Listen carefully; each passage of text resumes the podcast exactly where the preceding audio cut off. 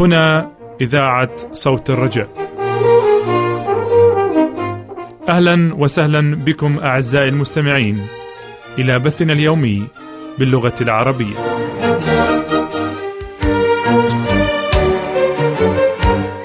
دراسات كتابية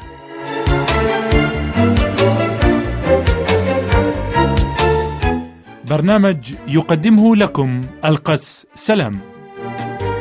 أعزائي المستمعين سلام الله عليكم. تبارك اسم الله خالق الأكوان العظيم. أهلا بكم ومرحبا في لقاء روحي جديد بعنوان الإيمان والغفران. من برنامجكم اليومي دراسات كتابية. حيث يؤكد السيد المسيح لأتباعه في كل زمان ومكان أهمية الإيمان. وعلاقته بالغفران. أتمنى لكم مع هذا اللقاء بركة القدير. نبدأ حديثنا بقراءة الآيات عشرين إلى ستة وعشرين من الإنجيل بحسب مرقس الإصحاح الحادي عشر. وفي الصباح إذ كانوا مجتازين رأوا التينة قد يبست من الأصول. فتذكر بطرس وقال له يا سيد انظر التينة التي لعنتها قد يبست. فأجاب يسوع وقال لهم ليكن لكم إيمان بالله لأني ألحق أقول لكم إن من قال لهذا الجبل انتقل وانطرح في البحر ولا يشك في قلبه. بل يؤمن أن ما يقوله يكون فمهما قال يكون له. لذلك أقول لكم كل ما تطلبونه حينما تصلون فآمنوا أن تنالوه فيكون لكم. ومتى وقفتم تصلون؟ فاغفر كان لكم على أحد شيء لكي يغفر لكم أيضا. أبوكم الذي في السماوات زلاتكم. وإن لم تغفروا أنتم لا يغفر أبوكم الذي في السماوات أيضا زلاتكم. سار يسوع وتلاميذه عائدين إلى المدينة المقدسة. وإذ نظروا التينة التي كان السيد المسيح قد قال إنها لن تحمل ثمرًا قد ذبلت من الجذور. تذكر بطرس كلام المخلص وقال انظر التينة التي لعنتها قد يبست. لم يفسر السيد المسيح معنى ما حدث لأنه كان دلالة واضحة للهيكل الذي سيدمر وسيكون الدمار أكيدا مثل ذبول التينة. أراد يسوع أن يعلم تلاميذه دروسا تعدهم لما سيعانيه من آلام وصلب وموت. وكما رأوا ما قاله سيدهم يتحقق تذكروا كلامه ومن ثم قال لهم المخلص ليكن لكم إيمان بالله. لقد تعجبوا مما حدث ولكن عليهم أن يتمسكوا بالإيمان بالله فيما يصلون ويطلبون. إن الإيمان العامل بالمحبة ينشط الصلاة ويجعل من تحقيقها امرا مستطاعا. أعزائي هل نحن في يأس وإيماننا يفتش عن اليقين وفي أحلك الظروف وأقساها؟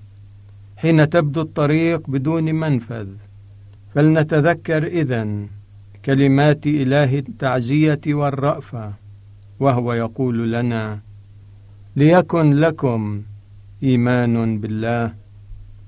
إنه يعرف حاجاتنا وأن محبته ورحمته اللامحدودتين تحيطان بنا من كل جانب. لنتكل على الله ونسلم له مقاليد الأمور وهو يجري لنا كل خير. لنتمسك بقوة بيده الجبارة التي لن تخذل كل تائب ينظر إليه بالإيمان. إن الذي أطعم بخمسة أرغفة وسمكتين خمسة آلاف رجل ما عدا النساء والأطفال. قادر اليوم أن يصنع عجائب عظيمة لشعبه الآن وإلى المنتهى. إن حاجتنا العظمى هي إلى إيمان بالله لنضع كامل ثقتنا به ونتمسك بمواعيده العظيمة لنا لنعتمد عليه في تخطيط أمور حياتنا حاضرا ومستقبلا. إن مصدر القوة لعمل المعجزات هو الله وعليه يجب أن يكون مصدر إيماننا أيضا. لأني ألحق أقول لكم من قال لهذا الجبل انتقل وانطرح في البحر ولا يشك في قلبه بل يؤمن أن ما يقوله يكون فمهما قال يكون له. من خلال القوة والسلطان من الله في المسيح ستزول كل عقبة وينطرح كل جبل وهم وقلق في البحر. ولا يعود يذكر. فلنتحدث إذن ولنتصرف كما لو أن إيماننا لا يقهر. إن الرب غني في موارده وله العالم بما فيه. فلننظر أيها الأحباء إلى السماء بإيمان.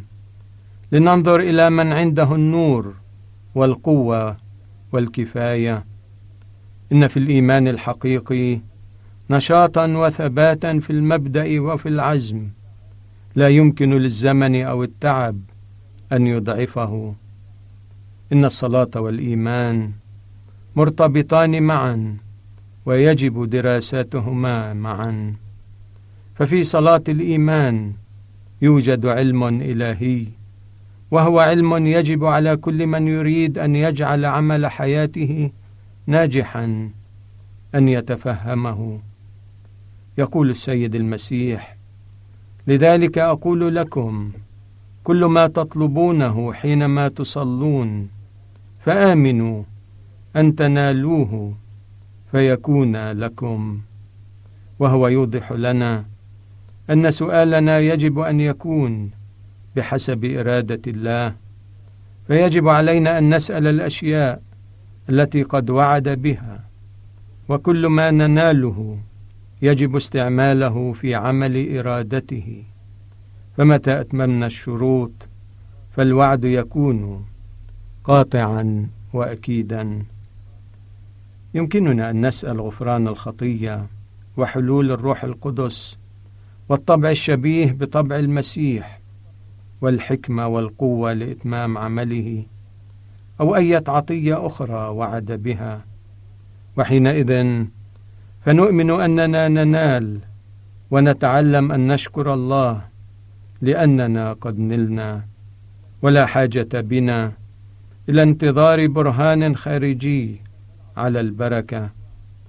فالعطية هي في الوعد ونحن يمكننا أن نباشر عملنا ونحن متأكدون من أن ما وعد به الله هو قادر على إتمامه. وأن العطية التي قد امتلكناها ستتحقق حين نكون في أشد الحاجة إليها. عزيزي حالما تؤمن بالوعد وتصدق أن خطاياك قد غفرت وقلبك تطهر يحقق الله لك البرء. تماما كما أعطى المسيح مريض بيت حسدة القوة على المشي. عندما آمن أنه قد شفي فالأمر يصبح واقعا. وأنت قد شفيت إن كنت قد آمنت. إن الشرط الوحيد لإتمام وعد السيد المسيح بأن ينال المؤمن ما يطلبه بالصلاة هو أن تكون الطلبه بحسب مشيئة الله. ولكن الله يريد أن يطهرك من الخطية. وأن يتبناك أيضا ابنا له وأن يقدرك على حياة القداسة. فاطلب كل هذه البركات مؤمنا بأن تنالها بل اشكر الله أنك قد نلتها. علينا أن نؤمن بأن الرب يسمع وسوف يستجيب لصلواتنا لأن الله أحكم من أن يخطئ. وأصلح من أن يمنع خيرا عن السالكين بالكمال. فلا تخشى عزيزي الاتكال عليه حتى إذا كنت لا ترى الجواب فورا عما طلبت. بل ثق بالوعد الأكيد القائل اسألوا تعطوا ويتابع المعلم الأعظم كلامه قائلا.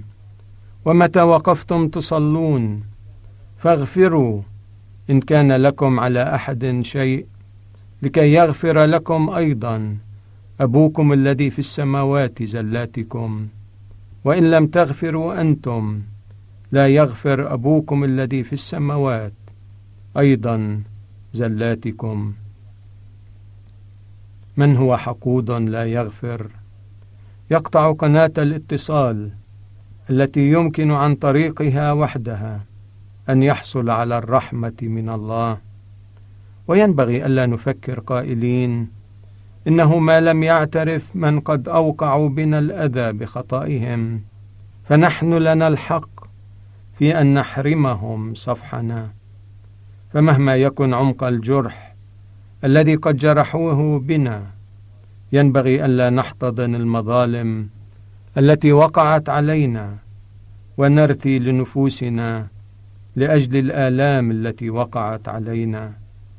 ولكن على قدر ما نأمل في أن تغفر خطايانا التي أخطأنا بها في حق الله علينا أن نغفر لكل من قد يفعل بنا سوءا. اللهم خالق السماء والأرض. يا من زرعت محبتك في قلوبنا وعلمتنا أن نحب قونا في هذه المحبة. لنستطيع أن نحب حتى الذين أساءوا إلينا. لنكون أبناء وبنات الآب السماوي. نشع بمحبته ونضيء لمجده أنوارا في عالم مظلم. لك سيد البار كل الحمد. شارككم سعادة هذا اللقاء. ألقى السلام. وبركة الله معكم وترعاكم.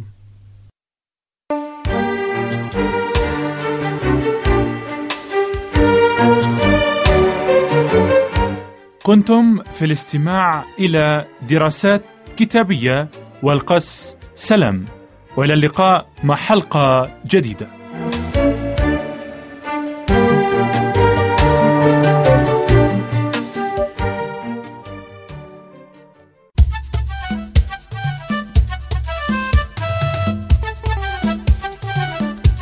الحياة الأسرية.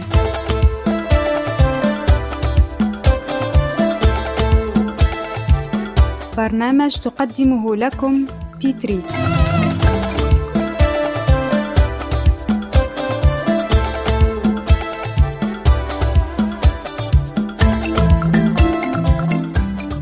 تحية عطرة إلى كل مستمعينا ومستمعاتنا من جميع أنحاء العالم العربي.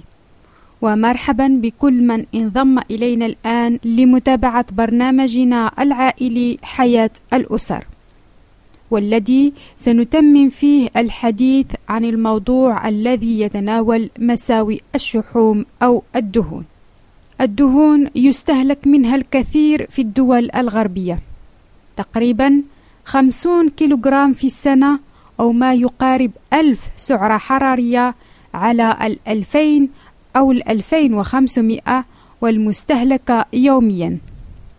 نتلذذ بالنكهة التي تعطيها للمأكولات والطعم الشهي والمقرمش الذي تسمح باختلاقه.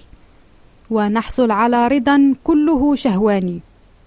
يبدو بأن الشحوم والدهون تمارس على الشخص قوى مخضعة ومرضية بحيث مباشرة عند حصوله عليها فاستهلاكها يرتفع كالسهم. في الوقت الذي يكون فيه استهلاك الخبز متراجعا نسبيا. بالتأكيد الدهنيات تعتبر مادة غذائية ضرورية للصحة ولكن لديها توازن غير مستقر. فمن السهل استهلاك الكثير منها وذات جودة سيئة. والآن وبعدما اكتشفت علاقات بين الدهون وبين الأمراض المزمنة أصبحنا نقلق فعليا من الكمية المستهلكة منها ونبحث جديا على تعطيل نمو وازدياد أمراض الأوردة القلبية وأمراض السرطان.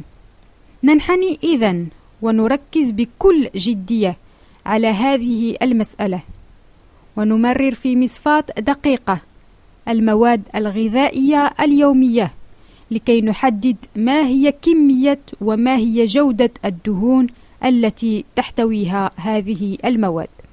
فكلمات غريبة تظهر على الملصقات. ولكن سواء أردنا ذلك أو لم نرد يجب أن نتعود عليه وأن نتعلم فهم هذه الكلمات. الدهون أو الشحوم يمكن تمييزها تماما على المواد الغذائية الأخرى كالبروتين المتمثل في البروتينات والجليسيد المتمثل في هيدرات الكربون. فالدهون أو الشحوم تعتبر مواد جد معقدة ومن وجهة نظر الفيزياء الأجسام الدهنية تعتبر غير ذائبة في المياه بحيث لكي تعبر الأمعاء يجب أولا أن تجرى لها عملية استحلاب تحت حركة وعمل العصارات الهضمية وبالتحديد عصارة البنكرياس. ونحقق الاستحلاب عندما وبعد دمج الماء والزيت نحرك جيدا هذا الخليط. عملية الاستحلاب عموما ما تكون غير مستمرة كالزيت والماء الكريمة والحليب من المحتمل أن تفصل. ويجب العمل على استمرارها وهذا هو دور عصارة الصفراء الكبدية والأملاح الصفراوية. دورها أن تجعل استحلاب الدهون الغذائية المستهلكة يستمر. عندما تسخن الأجسام الدهنية تكون عندها ميزات محددة لكن ليس لديها كلها نفس نقطة الإذابة ولكن كلما كانت نقطة ذوبانها أي هذه الأجسام الدهنية منخفضة خصوصا أقل من درجة حرارة الجسم والتي هي 37 درجة كلما كانت مهضومة. وهذا هو حال الزيوت التي تذوب في حوالي 30 درجة.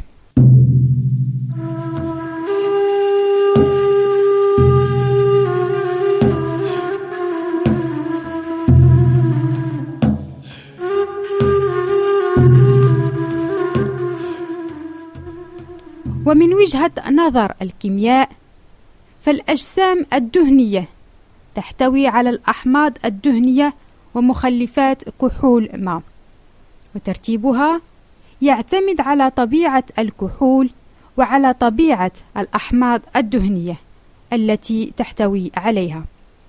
نستنتج إذن ما يلي الدهون البسيطة والمتكونة من الجليسيرين ومن الأحماض الدهنية وهي تعطي الجليسيريد المسمات أحادية ثنائية أو ثلاثية الجليسيريد. وهذه الأخيرة أي ثلاثية الجليسيريد تمثل 95% من الدهون الغذائية أو الدهون البسيطة المكونة من الستيرول ومن الأحماض الدهنية. وهي تعطي الستيريد كالكوليسترول.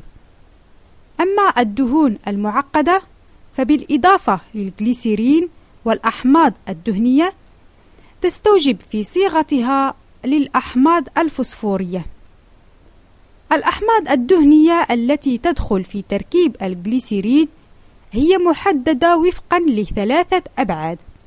البعد الأول طول السلسلة. الأحماض الدهنية هي على السلسلة الطويلة. السلسلة المتوسطة أو السلسلة القصيرة. لأن عدد ذراتها يمكن أن يختلف من أربعة إلى أربع وعشرون. الأحماض الدهنية ذات السلسلة الطويلة أي أكثر من 12 ذرة من الكربون يجب أن يعاد تركيبها لثلاثية الجليسيريد. الأحماض الدهنية ذات السلسلة القصيرة. أي أقل من 12 ذرة من الكربون. لديها تجانس وملائمة مع الماء وهي تعد ذائبة. وبالتالي تستطيع أن تمتص دون تدخل خميرة الليباز أو الشحماز البنكرياسية والأملاح الصفراوية والتي مصدرها عصارة الصفراء الكبدية. أما البعد الثاني فهو اللا تشبع. الأحماض الدهنية ليس لها كلها نفس العدد من الروابط المزدوجة بين ذرتين الموجودة في صيغتها. إنها مشبعة أي ليس لديها رابطة مزدوجة. وحيدة اللا تشبع أي تضم رابطة مزدوجة وحيدة بين ذرتين من ذرات الكربون المكونة لها مثل زيت الزيتون والبذور.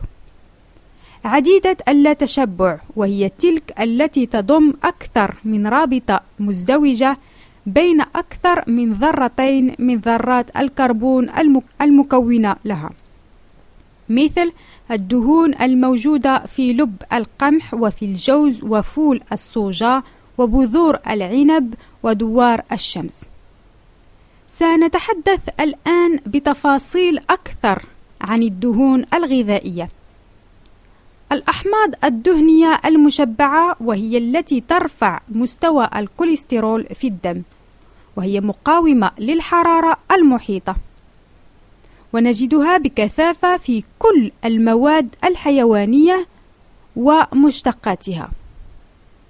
توجد بعض الاستثناءات لهذه القاعدة. فالزيوت النباتية للنخيل الكاكاو والقطن سائلة في درجة حرارة المحيط أو المكان وهي أيضا غنية بالأحماض الدهنية المشبعة ولكن على عكس الدهون الحيوانية المشبعة. عندها نقطة ذوبان منخفضة تذوب في حوالي عشرة كدرجة حرارة تماما كالزيوت الغير مشبعة.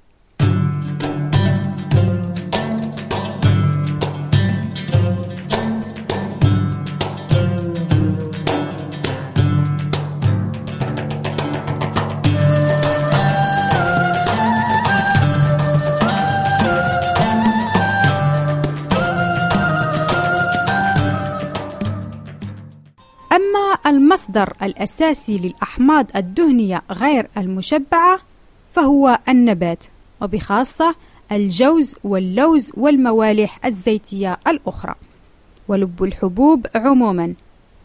كما أن زيت السمك يحتوي بدوره على أحماض دهنية غير مشبعة وعادة ما تكون دهون الأحماض غير المشبعة سائلة في درجة حرارة الجو العادية وبما أن بعض ذرات الكربون المكونة لها غير مشبعة بالهيدروجين فإن نشاطها التفاعلي مع العناصر الأخرى وقدرتها على الدخول في العمليات التحويلية تكون عالية.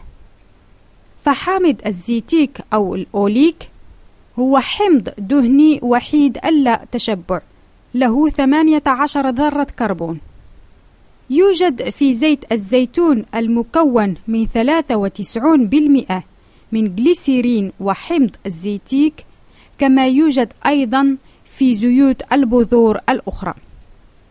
إن الزيوت وحيدة اللا تشبع ومتعددة اللا تشبع على وجه الخصوص هي أكثر الدهون صحية وأنفعها مادة. بل وأنها تخفض نسبة الكوليسترول في الدم. ويعد زيت الزيتون سيد الزيوت جميعا بطعمه وبخصائصه الغذائية والدوائية. فهو يعدل نسبة الكوليسترول في الدم يعالج الإمساك وأمراض الصفراء ثم إن الزيتون غني بالدهون. 36% وبالبروتين أيضا ما يعادل 3% أما فيما يتعلق بالكوليسترول الغذائي فهو ينتمي للستيرول ويتواجد في الدهون الحيوانية. كل المواد الحيوانية اللحوم الحمراء الدجاج السمك الكبد المخ. والمواد الثانوية الحيوانية كالبيض والحليب والجبن والزبدة والقشدة الطرية. فهي كلها غنية بالكوليسترول. العلاقة بين إدخال الكوليسترول الغذائي في المعدة وبين أمراض الأوردة القلبية لا تصدق فهي جدا كبيرة. الفيتامينات A و D و E و K تنتقل بواسطة الدهون وهي قليلة التلف فالطهو لا يتلفها وهي سهلة التخزين في الجسم. والإفراط فيها يمثل خطرا حقيقيا التسممات بواسطة الفيتامين A D لأنه تم إضافتها إلى مواد اعتيادية كالحليب، الخبز، رقائق الحبوب، العصير إلى آخره. تكون غالبا مأخوذة بنسب عالية، ويجب مراقبتها والاحتياط من هذا الإفراط. أعزائنا المستمعين، عزيزاتنا المستمعات، هنا تنتهي حلقتنا لليوم. إلى اللقاء في الحلقة المقبلة.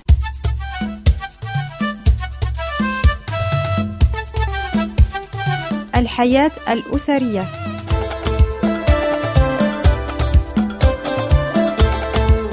برنامج قدم لكم من طرف تيتريت